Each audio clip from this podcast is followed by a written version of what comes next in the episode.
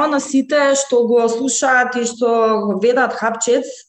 Денес имам посебна чест да представам Сара Феро, име кое што одзвучува посебно во работењето на, на фестивалот Македокс. Иако таа има дипломирано на комуниколошки студии, сепак љубовта кон филмската уметност ја усмерува во делот на, на продукција и да се занимава во, во филмската а, индустрија, со тоа што незиниот професионален ангажман да понатаму се осврнуваат и се поврзуваат со а, документарните филмови. И затоа ние посебен акцент ќе ставиме на на Сара и на незината на незиниот ангажман и работењето на документарниот фестивал Македокс. Сара, здраво, ти благодарам што прифати да ни бидеш гостин. Пред да, да ти предадам тебе да, да, да кажеш некој интро за себе или малце пообширно, мене ме интересира дали мотивацијата да работиш во оваа индустрија потекну од моментот што сепак и твоето семејство е посветено на филмот или мотивацијата сосема поинаква? И зошто баш документарната форма нели како жан да речем. Поели. Здраво, Нена, фала ти на представувањето. Честитки за тоа што го правите. Јас ве следам и многу ми се свиѓа проектот и продолжете да си терате супер и понатаму.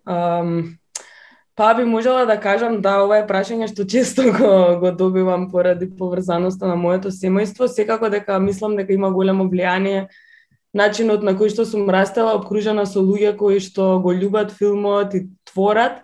Така што да, во голема во голема мера има удел тоа во моето растење и созревање како личност, меѓутоа нај, најголем удел можам да го препишам на фестивалот Македокс, бидејќи таму сум од самиот почеток на фестивалот како млад волонтер и би можела да кажам дека најмногу тој ме има изградено со самото тоа што сум дел од фестивалот од многу рана возраст, од некои 16 години, би можела да кажам и во допер со документарниот филм и новите трендови, новите филмови, контакт со авторите и со различни луѓе од документарниот свет, мислам дека на тој начин некако Ептен се се залюби во тој свет во документарниот филм кој што е многу искрен, кој што ни носи приказни најразлични од целиот свет кои инаку можеби не би ги дознале и ни отвара на вистина едни нови хоризонти во однос на пошто самата спомена дека си од самиот почеток нели на на, на фестивалот Македокс,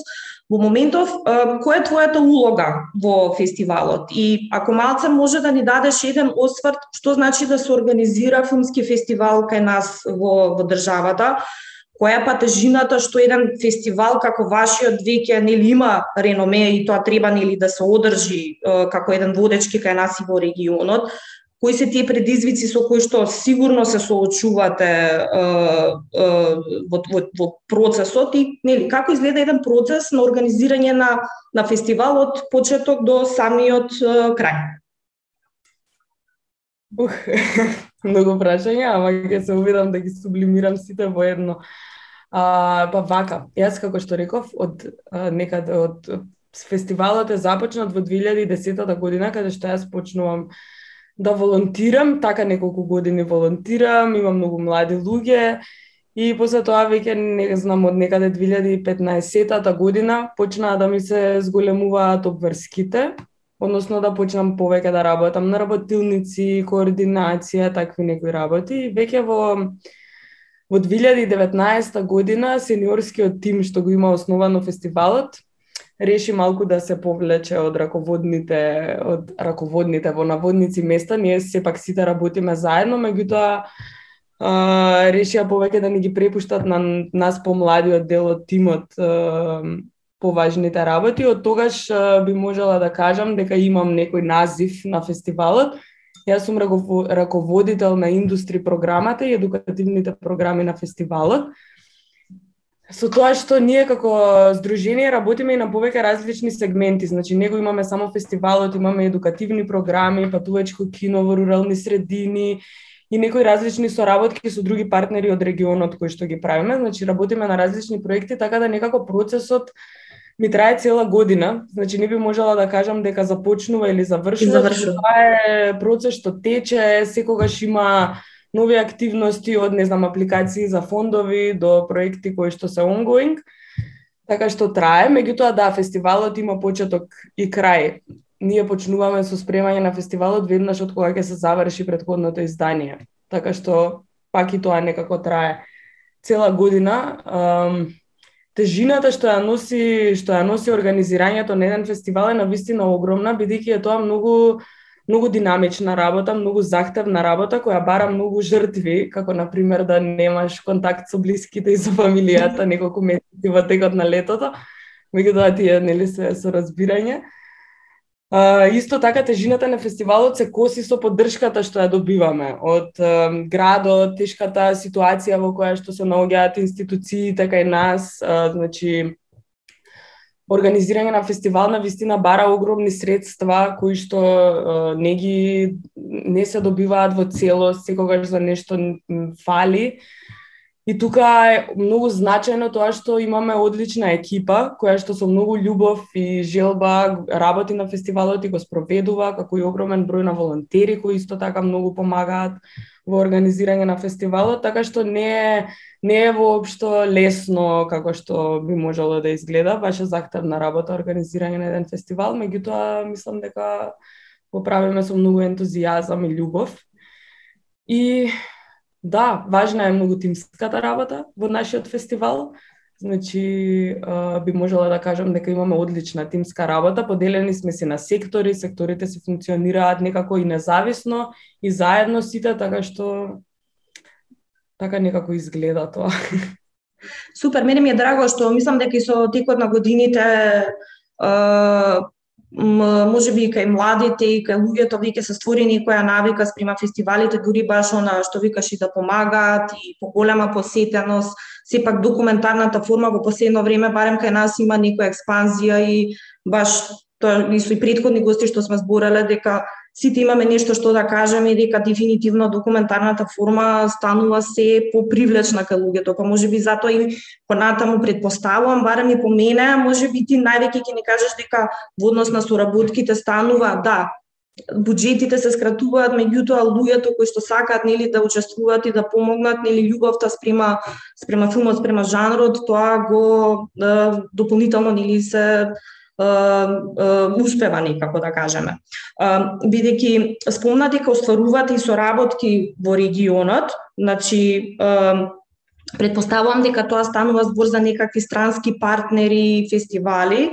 Може еден осврт на, на пример каква каква Каква е поддршката, каква е соработката, колку как, како вие сами на себе си помагате со останатите фестивали? И колку е тоа значено во унапредување на визијата на, на, на фестивалот и одржувањето на континуитетот? Uh, па вака, најпрво ќе тргнеме од тоа ние што го правиме, значи ние uh, uh, во делот, индустри делот на фестивалот, што го основавме, ова ќе биде четврта година, работиме на еден Маке копродокс форум во кој што соработуваме со балканските филмски агенции од регионот, значи со некои 8-9 држави од балканскиот регион. И тука имаме супер соработка со нив и се сретнуваме неколку пати годишно и за време на фестивалот и работиме на зајакнување на соработката помеѓу балканските држави, значи гледаме некако да се усогласат повиците за аплицирање, на продуцентите да им бидат достапни информациите во врска со повиците и критериумите што ги бараат сите филмски центри, кој е начинот на кој што се бодуваат и оценуваат филмските проекти, така натаму и некако Убаво ни тргна таа соработка, соработуваме и со луѓе надвор од нашиот фестивал кои што ни помагаат цело овој процес да го да го тераме. Исто така имаме, значи одбираме секоја година десетина балкански проекти што се во копродукција или продукција на балконот, кои што имаат работилници за развивање на своите идеи, за пичинзи и потоа ги представуваат своите проекти за време на фестивалот Така да тоа е нешто многу значајно што го правиме во регионот кај нас, меѓутоа имаме и две фестивалски мрежи во кои што сме дел како фестивал Македокс. Едната ни е формирана пред неколку години, веќе 3 или 4 години соработуваме во мрежа што се вика Doc Around Europe. Таму сме дел заедно со FIPA Doc фестивалот од Биариц, Франција. со Докс Барселона, со Докфест Минхен, И ние со нив секоја година имаме различни типови на соработка, дали е тоа дел споделување на дел од програмата, делење на некои проекти кои што учествуваат на фестивалите, значи најразлични идеи развиваме со нив и супер оди оди соработката. И од неодамна имаме нова балканска мрежа во која што сме заедно со фестивалот од Солун, од Софија и од Белград. И со нив тек сега почнуваме да развиваме идеи и начини на соработка, меѓутоа мислам дека овие соработки се многу важни. Дали станува збор за соработка на Балканот со балканските фестивали или пак со европските, Uh, многу е важно бидејќи uh, работиме на промовирање на македонскиот и на балканскиот филм и некако да сме цело време во чекор со трендовите што се случуваат на другите фестивали, да си вмрежен, да си присутен и да се дава нели поддршка на авторите што работат кај нас, да им се помогне да ги остваруваат своите проекти, така да тоа некако го правиме во овие мрежи и мислам дека ќе се развива се повеќе и поуспешно.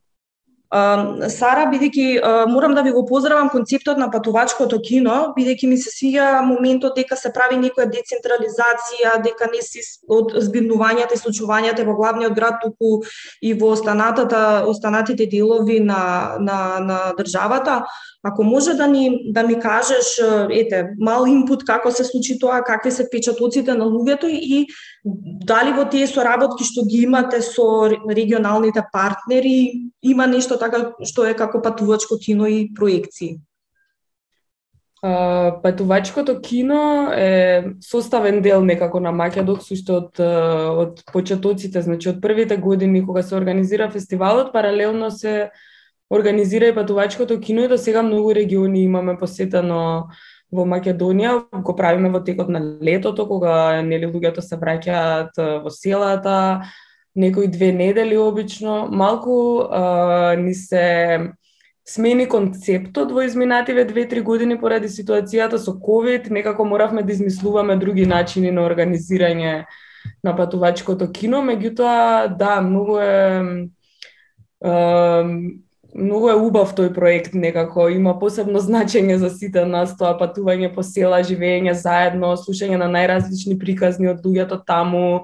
Значи сме се соочувале онака со луѓе што не немале можност да бидат во киносала или да гледаат филм повеќе од 40 години, така што да, и за време на патувачкото кино изминативе 4 години организираме а, прва фаза од школата за млади документаристи доку Николци, тоа ни е еден од најновите едукативни проекти што ги правиме.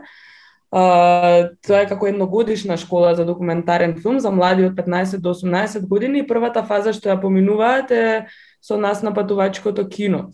Па потоа тие развиваат своји идеи и продуцираме некои 3 до 4 кратки документарни филмови секоја година со таа школа, што после имаат премиери на фестивалот, па на некои други културни случувања во Скопје, надвор од Скопје, на други фестивали, така што тоа исто е многу важен дел од нашето работење. Тие многу нив се сега запишани на факултетот за драмски уметности, работат и на нашиот фестивал и така натаму. И имавме обид во 2019 да направиме прв пат регионално патувачко кино. Тука се здруживме со фестивалот Слободна зона од од Белград и со Академијата за филм и мултимедија Маруби од Тирана.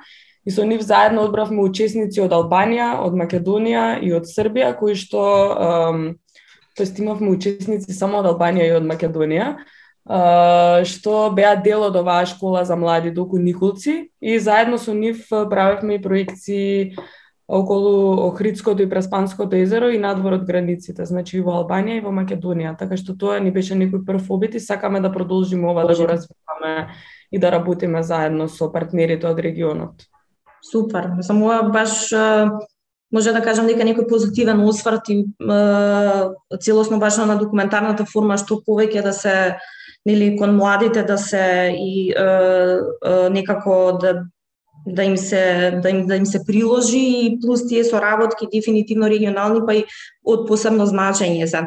А, во, во однос на ете Македокси целокупно гледано, можеш ли да издвоиш некаков посебен впечаток од изминатите години атмосфера, филм, нешто онака што тебе баш посебно нели те допрало да речеме, баш онака си се воодушевила?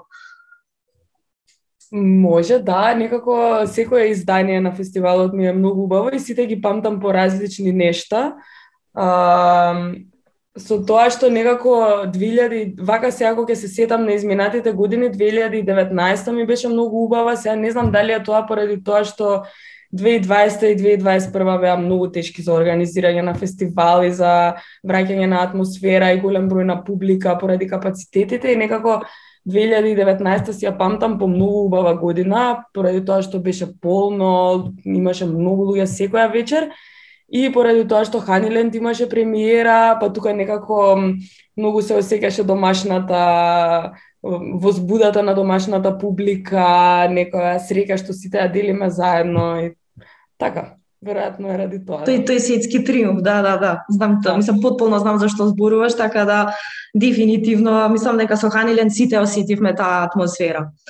Um, пошто некако сме малце при крај со со uh, овој разговор со тебе, um, чисто ме интересира од продуцентски аспект твој, uh, кои се твоите амбиции за продукција на на, на филмови? конкретно еве сега бидејќи нели збориме за документарната, па ако може би и не е да, да не е документарна, значи краткометражни, долгометражни, различни е, жанрови, пошто сепак си нели продуцент, ма доколку може да ни малце елаборираш ако имаш секакви нели некакви амбиции.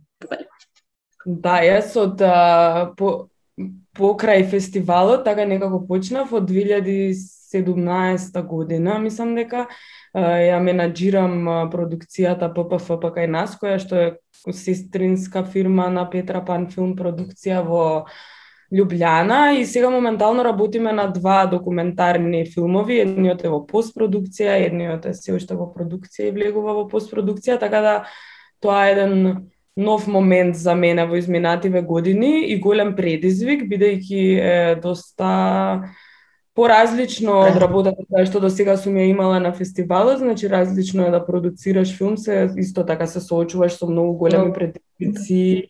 И сето тоа меѓутоа е многу убаво, значи правењето на еден документарен филм е на вистина долг процес, некогаш а, зема повеќе години, некогаш помалку, меѓутоа е интересно за мене. И Така, не, до сега не сум продуцирала игран филм, меѓутоа сум секако отворена а, за можноста и идејата, ќе видиме, иако документарниот е така... Сепак е при срце, да.